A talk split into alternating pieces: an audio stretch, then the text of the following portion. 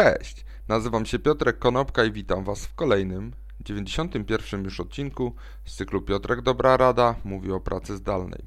Dzisiaj powiem o dwóch zasadach, które są związane z wdrożeniem pracy zdalnej już na stałe w jednej z największych firm na świecie. Prawdopodobnie kojarzycie firmę Siemens e, ze sprzętów elektronicznych czy elektrycznych. Jest to firma, która znajduje się na liście e, Global Fortune 500 największych firm na świecie.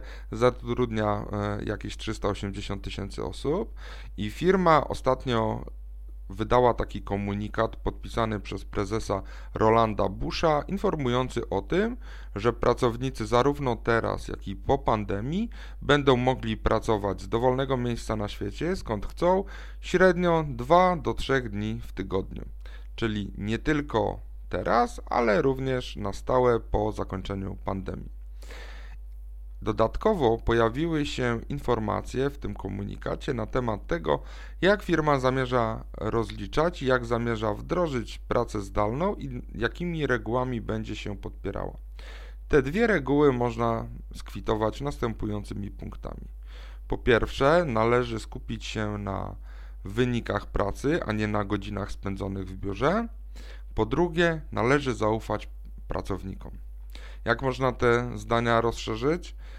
Przede wszystkim nie dupo godziny, a wyniki pracy to jest coś, co ja też wspominałem wcześniej i to tak naprawdę powinien być nowy standard zarówno dla firm, jak i kadry zarządzającej wszystkimi firmami. Na przykład e, Netflix ma taką politykę związaną z urlopami, że nie rozlicza dokładnie urlopów pracowników, którzy pracują na pensji w Netflixie, natomiast rozlicza ich z tego, że zadanie musi zostać wykonane, a jeżeli po wykonaniu tego zadania są na urlopie, to Netflix nie, nie yy, zastanawia się, jak długo na tym urlopie przebywają.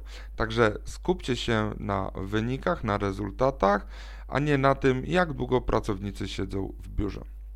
Po drugie, zaufaj swoim pracownikom. Ten niby prosty punkt warto rozszerzyć o kilka podpunktów. Przede wszystkim menedżerowie powinni rzeczywiście dbać o ludzi. Powinni poświęcić trochę czasu na poznanie zarówno ludzi od strony zawodowej, jak i trochę od strony prywatnej.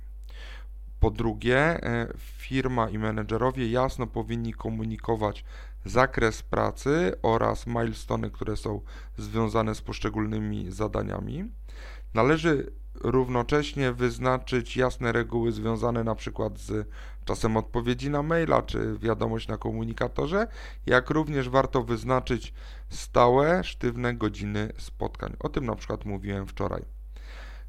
Czwartym punktem, czy podpunktem związanym z zaufaniem jest odpuszczenie mikrozarządzania, mikromanagementu na rzecz dobrego coachingu. Dodatkowo, jako piąty punkt, warto wspomnieć o tym, że pracownicy powinni czuć się wolni do tego, żeby e, realizować swoje nowe pomysły w pracy, podejmować mądre ryzyko, popełniać błędy. Mm, powinni móc pracować wtedy, kiedy się czują najbardziej wydajni, kiedy im jest najwygodniej, kiedy są najbardziej produktywni. Szóstym podpunktem związanym z zaufaniem jest docenianie pracowników za rzeczy, które wykonują dobrze.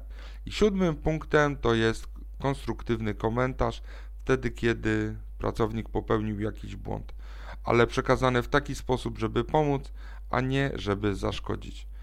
To, na co warto zwrócić uwagę, przede wszystkim to jest to, że jeżeli wy nie ufacie swoim pracownikom, to macie problem z zatrudnieniem, ponieważ jeżeli nie ufacie temu pracownikowi, to dlaczego go zatrudnialiście? Dzięki serdeczne, do zobaczenia i usłyszenia jutro. Na razie.